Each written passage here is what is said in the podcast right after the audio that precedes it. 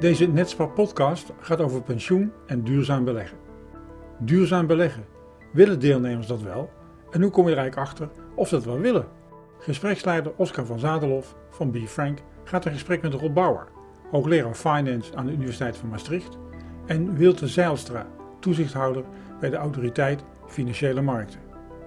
Mag ik beginnen met een uh, vraag aan uh, Wilte? Kan jij iets uh, zeggen wellicht over hoe de AFM kijkt tegen het betrekken van deelnemers op dit vlak?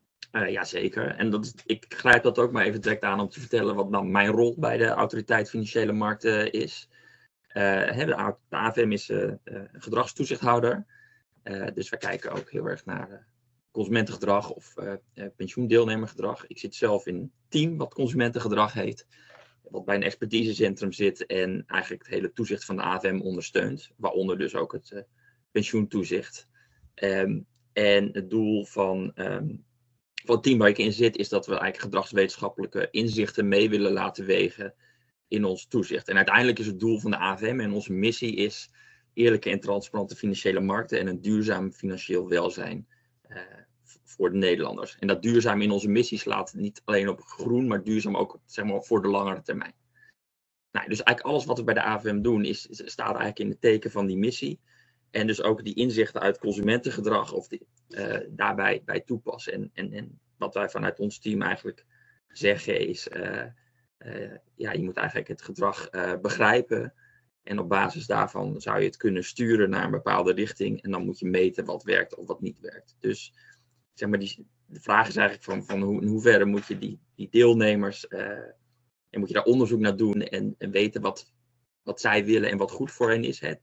Klantbelang centraal zeggen we veel, maar in deze context is het denk ik pensioendeelnemers centraal. Ja, dat is heel erg belangrijk. Dat draagt bij aan de missie. En ik geloof erin dat we dat uh, ja, dus ook samen met de, de, de pensioenuitvoerders uh, uh, daaraan moeten werken. Dus dat we heel veel parallele belangen hebben eigenlijk om, om ja, die pensioendeelnemers centraal te stellen. Zie je dat, want, want we hebben het natuurlijk specifiek over duurzaamheid, hè? Dus de, deze hele serie. Hoe zie je dat op het gebied van duurzaamheid? Zie je dat er vanuit een zorgplicht of vanuit een, een wettelijke plicht of vanuit een uh, soort van ethisch kader? Nou ja, dus in die zin volgens mij zie je gewoon een maatschappelijke tendens dat het, dat steeds belangrijker wordt, duurzaamheid. Dus ook onder deelnemers van, van pensioenfondsen en uh, pensioendeelnemers. Uh, en wat ik eerder al zei, volgens mij is het van belang dat een pensioenfonds eigenlijk zeg maar vertegenwoordigt of, of handelt in de geest van zijn deelnemers. Uh, en in die, dat opzicht, ja, en als de deelnemers het groener willen of socialer of duurzamer, ja, binnen bepaalde kaders denk ik dan, dat, het, dat het een goed idee is om dat, dat mee te wegen, zodat het een goede afspiegeling is van wat je als fonds doet, van wat je deelnemers willen. Dus die maatschappelijke trend, daar kan je volgens mij niet aan, aan onttrekken. En, uh, maar nogmaals, wat misschien wel goed te zeggen is, kijk, ik praat nu vrij in algemeenheden. Ik denk dat, dat, dat pensioenfondsbestuurders zelf het beste hun, hun populatie kennen. En al die populaties zijn ook weer anders van elkaar. Dus ik ga niet zeggen het moet altijd zo of het moet altijd zo. Maar ik denk dat er heel veel tools en uh, uh, middelen zijn om, uh, om die deelnemers erbij te betrekken. En daar ben ik ook blij nou ja, dat ik deze podcast samen met Rob Bauer zit. Want die vind ik heeft hele mooie onderzoeken gedaan van hoe je dat kan doen. En, en dat, dat, kan als voorbeeld dienen voor andere pensioenfondsen. Van hoe kan je nou hè, die duurzame voorkeuren van je deelnemers betrekken bij nou ja, die collectieve beslissingen bijvoorbeeld. Ja, nou, dat, laat, dat, is een mooie, mooie lead naar Rob. Rob, kan jij iets meer vertellen over je onderzoek? Jij doet heel veel onderzoek hè, naar deelnemerspreferenties en ook heel erg op het gebied van duurzaamheid ook. Ja. Um, waar ben je mee bezig? Nou, ik, ik grijp dit toch even aan om ook terug te komen op de vraag voordat ik over mijn onderzoek begin. Van waarom zou je eigenlijk moeten meten? Um, ik, ik, heb die presentatie van het paper, ik denk dat dat is het paper dat uh, Wilte bedoelt, de Get Real paper, waarin we de preferenties van uh, detailhandel deelnemers hebben gemeten. Gepresenteerd op meerdere plekken in de wereld. En het is wel heel interessant te zien dat wat Wilte net zegt, hoe wij er tegenaan kijken in Nederland, absoluut niet het geval is dat dat ook wordt gedeeld in bijvoorbeeld de Verenigde Staten. Als je daar vertelt dat wij uh, namens het pensioenfondsbestuur aan deelnemers vragen wat, uh, uh, wat de deelnemers vindt van bijvoorbeeld duurzaamheid en als je daar dan rekening mee moet houden, dan is dat eigenlijk precies het tegenovergestelde. Daar, daar zegt men als fiduciary moet je net niet luisteren naar je deelnemers, je moet doen wat goed is voor de deelnemer. Uit financieel oogpunt vooral, uh, of in, welk ander oogpunt ook. Maar dat moet jij als fiduciary independently onafhankelijk beslissen. Dus er is best nog wel wat verschil van mening over of je dit moet doen. Maar in Europa, ook gedreven door de hele EU Green Deal en alles wat eromheen hangt, uh, hebben we toch eigenlijk met z'n allen besloten, en in Nederland helemaal door het convenant, dat we dat moeten gaan meten. En dat, dat zette mijn onderzoeksteam. Er, uh, dus het ben zeker niet ik alleen, het is ook Paul Smeets, een aantal postdocs en PhD's die daaraan werken. Uh, op het spoor om, ja, om dat eens te gaan proberen te meten. En dan komt meteen de vraag, hoe doe je dat dan? Hoe meet je dat dan? de context is ook wel heel speciaal als je erover nadenkt. Een pensioenfonds, daar laten we mezelf als voorbeeld nemen. Ik zit bij het ABP. Ik moet sparen voor mijn pensioen. En ik moet bij ABP zitten. Ik kan niks kiezen. Nou, de vraag is dan vanuit een meer een ja, filosofisch oogpunt. Als iemand niet kan kiezen en hij moet sparen, heb je dan nou net meer verantwoordelijkheid om te vragen wat die persoon wil, of wat het collectief wil, of, of niet? Kijk, in een, in een beleggingsfondsencontext, waar Wilt ook mee werkt, neem ik aan, daar kan iemand zelf kiezen om iets te kopen of te verkopen. Maar in een pensioenfondscontext zit je er verplicht in. Nou goed, dat zette ons ertoe aan om, om toch die vraag te beantwoorden. Ja, je hebt toch wel een verantwoordelijkheid als bestuur om te vragen aan je deelnemers hoe zij op zijn minst tegen dit thema aankijken. Maar als je dat dan gaat doen, ja, dan kun je die vraag stellen met bijvoorbeeld een, een, een, een enquête, een survey. Maar dan krijg je natuurlijk, net zoals ik, als ik op straat met, door een tv-camera gevraagd word, koop jij duurzaam vlees? Uh, dan zeg ik, eh, nee, natuurlijk doe ik dat. En vervolgens loop ik de, Jumbo in en koop een kilo knaller. Ja, bij wijze van spreken, omdat ik geef gewoon een sociaal wenselijk antwoord. Dat zou ook kunnen gebeuren in zo'n enquête uh, aan deelnemers. Dus daar hebben we heel erg op ingezet om ervoor te zorgen dat die enquête die uitgestuurd wordt, zo goed mogelijk die preferenties meet. Ja, en daar kan je uren over praten hoe je dat dan doet. Maar voordat ik dat ga doen, denk ik, misschien is het handig dat Wilte daarop reageert of daar een mening ja, over hoe je dat nou, ik, ik, wil, ik wil even aanvullen wat je zegt, die, die, die, de Amerikaanse versie van fiduciary. Kijk, het is, het is inderdaad af en toe een soort, soort afweging. En ik, ik, ik, pleit ook helemaal niet voor u vraagt wij draaien van dat, dat een pensioenfonds onge, uh, altijd gewoon moet helemaal volledig als het ware democratisch van nou wat willen jullie. Hè? Dus soms, ik denk dat een, een, een pensioenfonds gewoon de, de kaders kan bieden. Um, eh, maar dat, soms moet je ook gewoon zeggen van ja, volgens mij is het toch beter om het zo te doen. Maar uiteindelijk heeft een pensioenfonds wel als, als primaire taak om gewoon een, een, adequaat pensioen te bieden aan het eind van de, van de rit. Dus uh, die, die verantwoordelijkheid hebben ze ook nog steeds.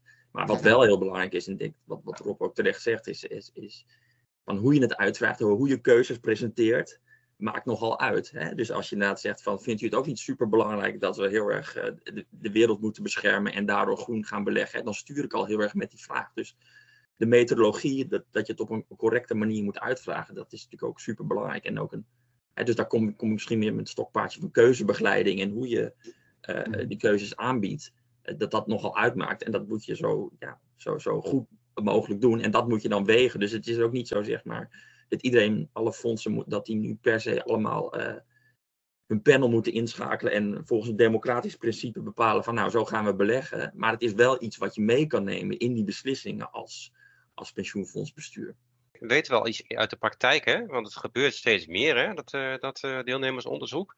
Wat, wat weten we daarvan? Hoe dat gaat? Nou, ik heb uh, boven en onder de radar de nodige surveys gezien. En de nodige surveys die ik gezien heb, leiden aan die sociale wenselijkheid bias. En wel, wellicht ook aan een heleboel andere bias. Gewoon representatie. Hè. Zit wel een representatieve steekproef die hier antwoordt. Uh, en zeker als we naar een nieuw akkoord gaan, uh, waar uh, zeg maar de, het risico nog meer op de schouders komt van, van individuen en waarin er meer op cohorten gestuurd wordt, uh, ja, is het wel heel erg belangrijk hoe je dit gaat meten. Dus dat je, en dan ook hoe je die cohorten aggregeert tot één portefeuille. Ik ben wel benieuwd hoe ze dat gaan doen overigens. Hetzelfde geldt voor risicopreferenties trouwens. Maar ik, ik, ik, ik denk dat wat ik in de praktijk gezien heb, is natuurlijk het meeste wat ik bij de detailhandel zelf gedaan heb.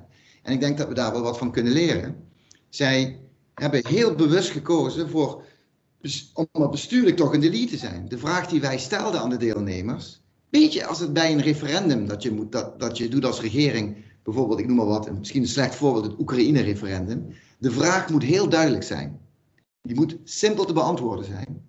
Betekent dus ook dat je heel goed over die vraag als bestuur moet nadenken in overleg met de wetenschappers die het doen of het bureau wat het uitvoert.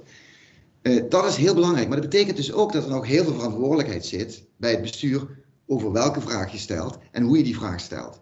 Dus het is echt niet zo dat het bestuur zegt, heel democratisch, vertelt u mij maar hoe we moeten beleggen. Want het bestuur voelt inderdaad, wat Zwelte net zei, plicht om een goed pensioen aan te bieden. En wellicht kan dat ook, en, dat zie je dan vaak vertaald in investment beliefs op websites of verklaringen van beleggingsbeginselen. Wij denken dat we duurzaam kunnen beleggen zonder rendement te verliezen. Dus dat proberen ze dan ook naar voren te laten komen in de opmaat naar de vraag. Gegeven dit alles. Uh, en dan zie je vaak dat die vragen vaak gaan in de richting van: moeten we op dit of op dat thema wat meer aandacht geven in ons duurzaamheidsbeleid?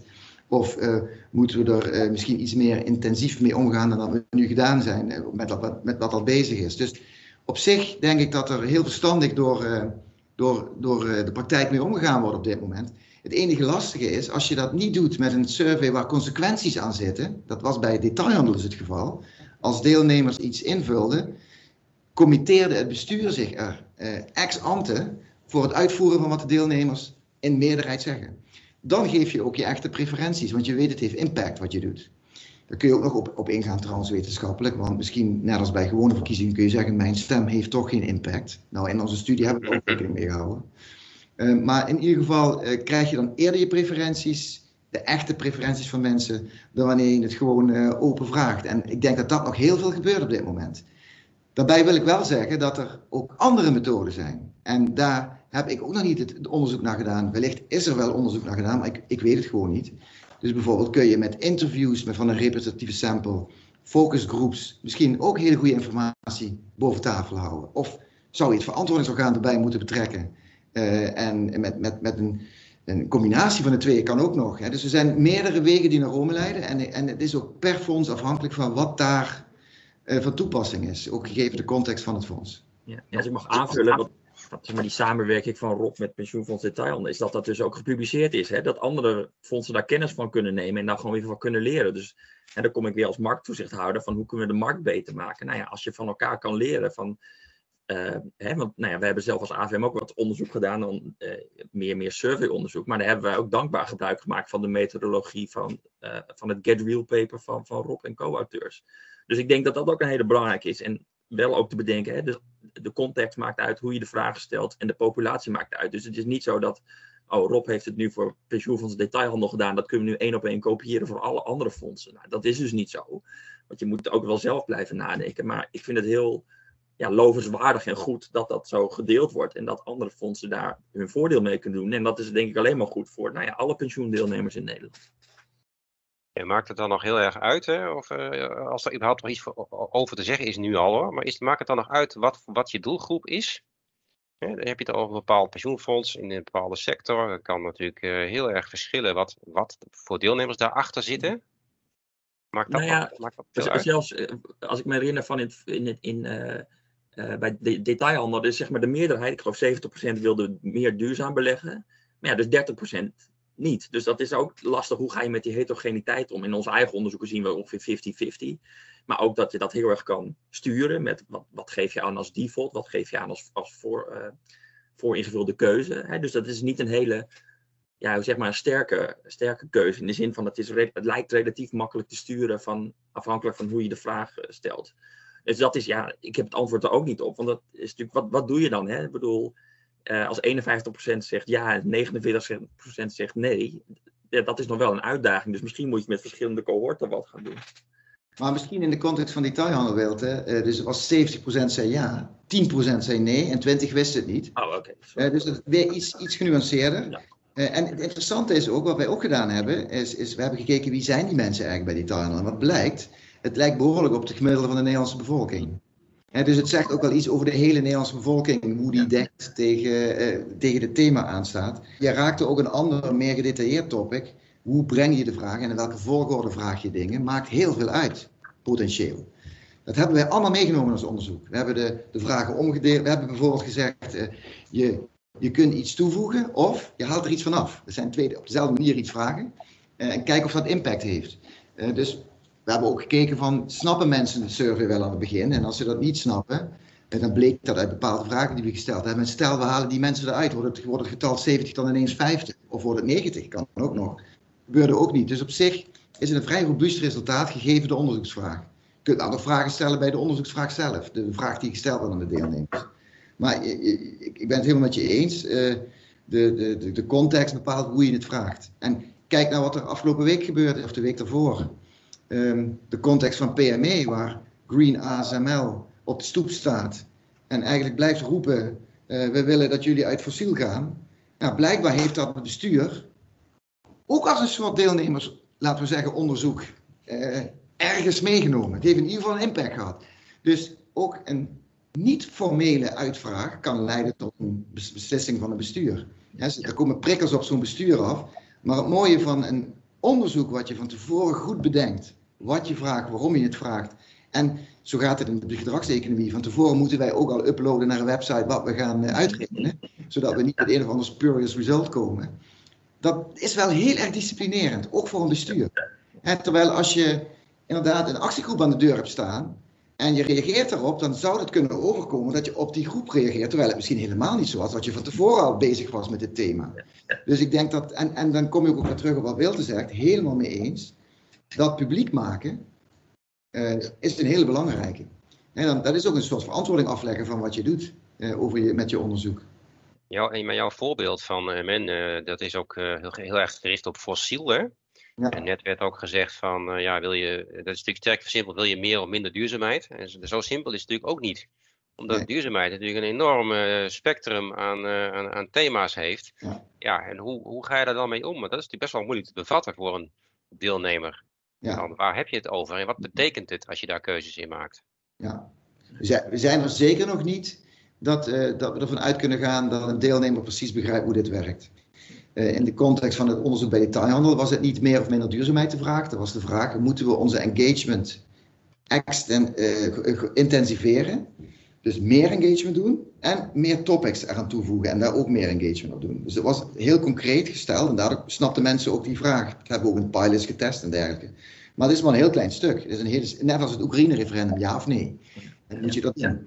Uh, maar als je inderdaad al die complexiteit en nuance van de duurzaamheidsdiscussie wil meenemen, dat is bijna onmogelijk. Het is eigenlijk nog ingewikkelder dan financiële geletterdheid, duurzaamheid, duurzaamheidsgeletterdheid. Dus er zit ook wel een eindigheid aan wat je kan doen. Dus nogmaals, het bestuur heeft een hele belangrijke taak hier. Ja, ja met de aanvulling. Het is ook van, zou je dat moeten? Ik denk ook niet dat mensen helemaal tot diep in de motorkap alles willen. Ik bedoel, maar wel op hoofdlijnen natuurlijk. Dus in die zin denk ik ook dat je niet heel bang hoeft te zijn om je hoeft niet alles te, te, uh, voor te leggen. Op een gegeven moment mag je gewoon, ja, dat is ook denk ik je taak en verantwoordelijkheid als bestuur, om gewoon knopen door te hakken en beslissingen te nemen. Alleen, het is denk ik wel belangrijk om daar um, de, de, de, stem van alle deelnemers, en dat is een ander punt wat erop, het moet niet zo zijn, denk ik, dat degene die het hardste schreeuwt de meeste invloed heeft. Dus daar moet je denk ik ook wel enigszins moeite doen om ook de, zeg maar, misschien de stille meerderheid of de mensen die niet op de stoep staan bij de, bij de uitvoerder ook mee te laten wegen. Want ja, misschien is het wel een enorme minderheid die heel hard roept. En vindt de rest zoiets van, ja, maar, ja sorry, maar ik, ik geloof er toch in dat niet duurzaam hogere rendementen haalt. En ik vind gewoon dat financiële belangrijker. Even heel kort door de bocht. Maar, maar wat, wat dan interessant is in, in dit kader is dan ook hoe belangrijk de rol van de bestuurders hebben we nu al een paar keer geconstateerd. Hè? Dus die, die, moeten daar de leidingen hebben, die moeten dit organiseren. Maar dan kom je meteen op de vraag, wat is dan de samenstelling van het bestuur? Ja, ja. En is die samenstelling van het bestuur van invloed op de keuzes die gemaakt worden? Nou, ik, ik denk van wel. Als je in een bestuur... ik. Ik kop even gewoon jouw eigen voorzet weer terug, want daar heb jij volgens mij een heel mooi paper over geschreven, waarbij, waaruit blijkt dat, dat dat niet altijd helemaal goed lijkt te gaan. Ja, het, kijk, we hebben in, een andere context laten zien, uh, dat was onder, overigens vooral bij ondernemingspensioenfondsen, dat hoe ouder de, de bestuurder uh, in een ondernemingspensioenfondsbestuur, hoe minder risico werd genomen door het bestuur, onafhankelijk van de kenmerken van de deelnemers van het fonds. Dat kan natuurlijk niet de bedoeling zijn. Je moet het risico nemen wat past bij, bij de, de fondskarakteristieken. Het zou kunnen hier ook, zou bij de duurzaamheidsonderwerp natuurlijk ook kunnen gebeuren. Dat, dat je daar een groep mensen hebt zitten die heel erg pro-duurzaamheid zijn. En daarom heel veel met duurzaamheid gaan doen, terwijl ze niet gekeken hebben of een populatie daar überhaupt wel in meegaat. Want die representativiteit in het bestuur, laten we wel wezen, er zitten werkgevers, werknemers en gepensioneerden. En die zijn vaak van een eh, gemiddelde leeftijd van 55 plus. Uh, dat is niet noodzakelijkerwijs een representatie van de jongere generatie die in die cohorte zit aan het begin van zo'n pensioenfonds. Dus hoe ga je daarmee om? Dat is een interessante vraag. Het is bijna een mini een mini-parlementje eigenlijk, een discussie. Hè? Heb je een regering eh, en, en het parlement waar dan alle mensen in zitten die de deelnemers vertegenwoordigen. Ja, dat is een lastige. Uh, dus dat, ik denk, het begint met bewustwording. Dat je je ervan bewust bent dat dat het geval is. En, uh, en dan kun je je helpen je bewustvorming te, te channelen door deelnemers te onderzoeken. Uh, wat, wat leeft daar? En dat kan inderdaad ook met andere zaken dan alleen een survey. Je kunt ook je kunt ook een keer een voetbalstadion afhuren en je, en je laat deelnemers komen. En je gaat daar georganiseerd uh, een, een, een focusgroepachtige toestand doen. Waarin je gaat, gaat, gewoon eens gaat vragen: wat vind je eigenlijk van wat wij doen zijn op het gebied van duurzaamheid? Met concrete voorbeelden. Ja, want dat is denk ik wat ook al mist als je naar de jaarverslagen kijkt van die pensioenfondsen. Veel fondsen schrijven wollig over hun activiteiten. En dan ga je ervan uit dat überhaupt een deelnemer naar een jaarverslag kijkt. dat, dat, dat, dat, zo naïef ben ik niet. Maar, maar je, je moet daarover communiceren. En ik denk, sommige fondsen doen dat best leuk. Uh, als je kijkt naar detailhandel, daar weet ik dan toevallig meer van. Die hebben een, een soort lijfblad, de jij en wij, voor de sector. Waarin ze dan ook mij en Paul Smees aan het woord laten om uit te leggen wat wij voor onderzoek gedaan hebben. En waarom we dat gedaan hebben. En waarom dat hout snijdt in de context van detailhandel.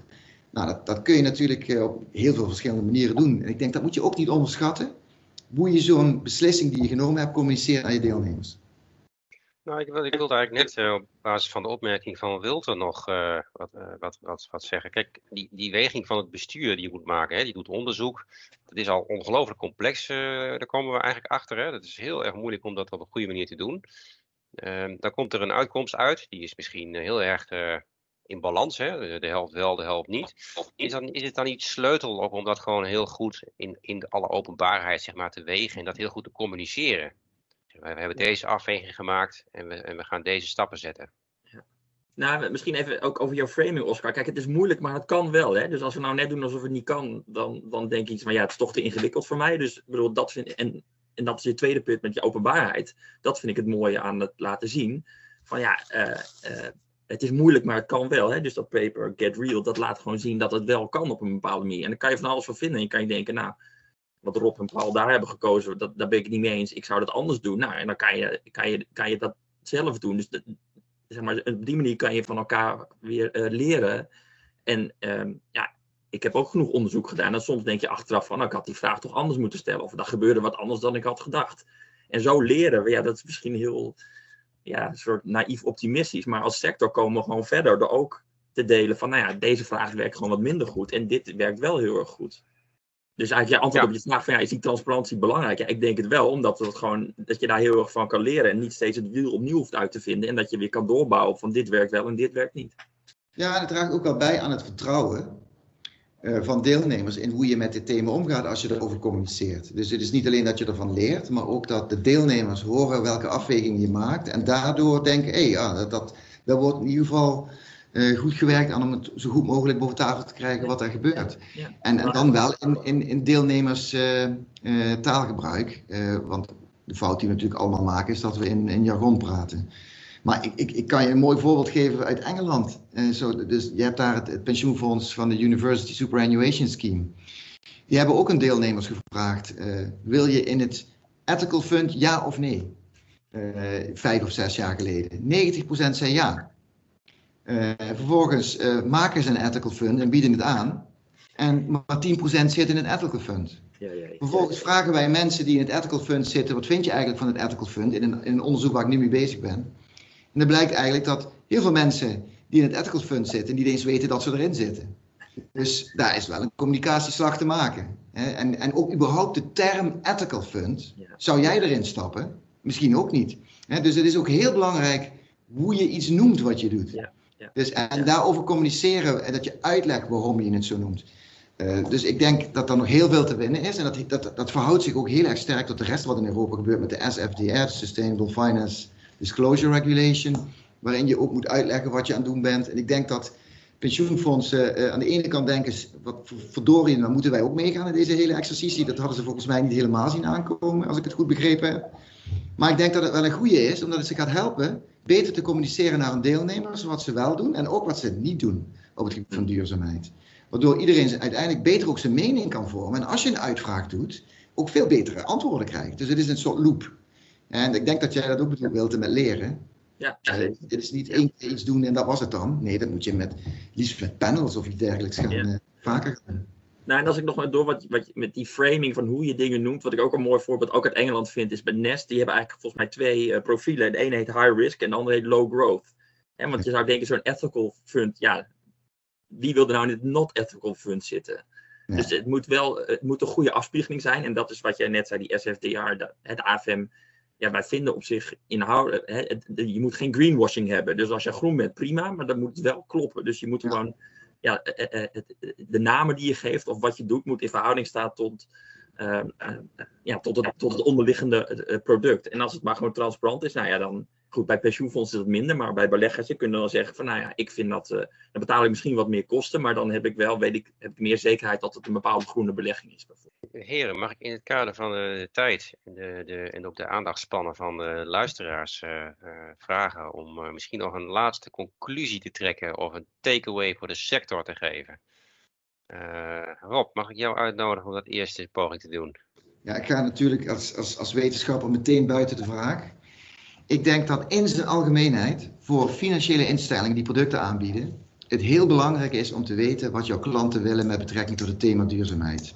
Dat moet je, dat moet je gaan meten. De, de, de wetgeving gaat op de kant op dat je zelfs verplicht wordt om dat te gaan meten in Europa. Eh, binnen de pensioenfondsensector, daar hebben we net heel uitvoerig over gehad, eh, denk ik is dat ook heel belangrijk. Het heeft met de houdbaarheid van het stelsel zelf te maken. Dus als ik ergens verplicht in zit en ik moet op een bepaalde manier beleggen, dan wil ik wel graag weten hoe gebeurt dat dan, betrek me daarbij.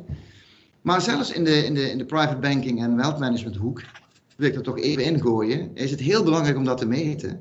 Maar is er ook wel een gevaar dat als je dat niet goed meet, dat je hele hordes aan klanten in dure producten op het gebied van duurzaamheid lokt, waardoor de klant er eigenlijk niet op vooruit gaat. Eh, die krijgt dan wel duurzaamheid, maar vervolgens ook 3% kosten per jaar aan zijn broek die hij niet in de gaten heeft. En dat kan niet de bedoeling zijn. Dus er ligt een hele grote noodzaak om dat meten van die preferenties goed te doen. En ik denk dat er daardoor ook een rol is voor de toezichthouders om daarop te letten hoe dat gebeurt. Dankjewel.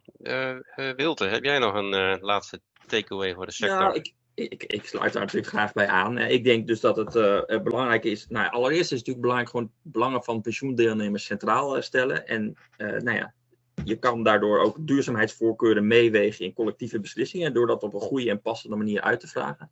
En alleen, zeg maar, goede keuzebegeleiding is daar gewoon ook heel erg belangrijk. Hè? Dus je kan sturen, maar stuur ook wel de goede, goede kant op. Nou, en dus eigenlijk, hè, dus nogmaals, dat pensioendeelnemers centraal stellen, ik denk dat dat heel erg belangrijk is. En eh, nou ja, dat we van elkaar kunnen leren. Dus in die zin hebben, dat is misschien een, pluspunt van, vanuit ehm, de, de pensioensector, dat daar minder die commerciële belangen eh, spelen. Dus dat het misschien wat makkelijker is om te delen dan nou ja, in de, in de, in de eh, beleggingswereld. maar goed, maar mijn hoofdpunt is eigenlijk van, nou ja, neem alsjeblieft die pensioendeelnemer ook mee. Dat kan, het is niet heel makkelijk.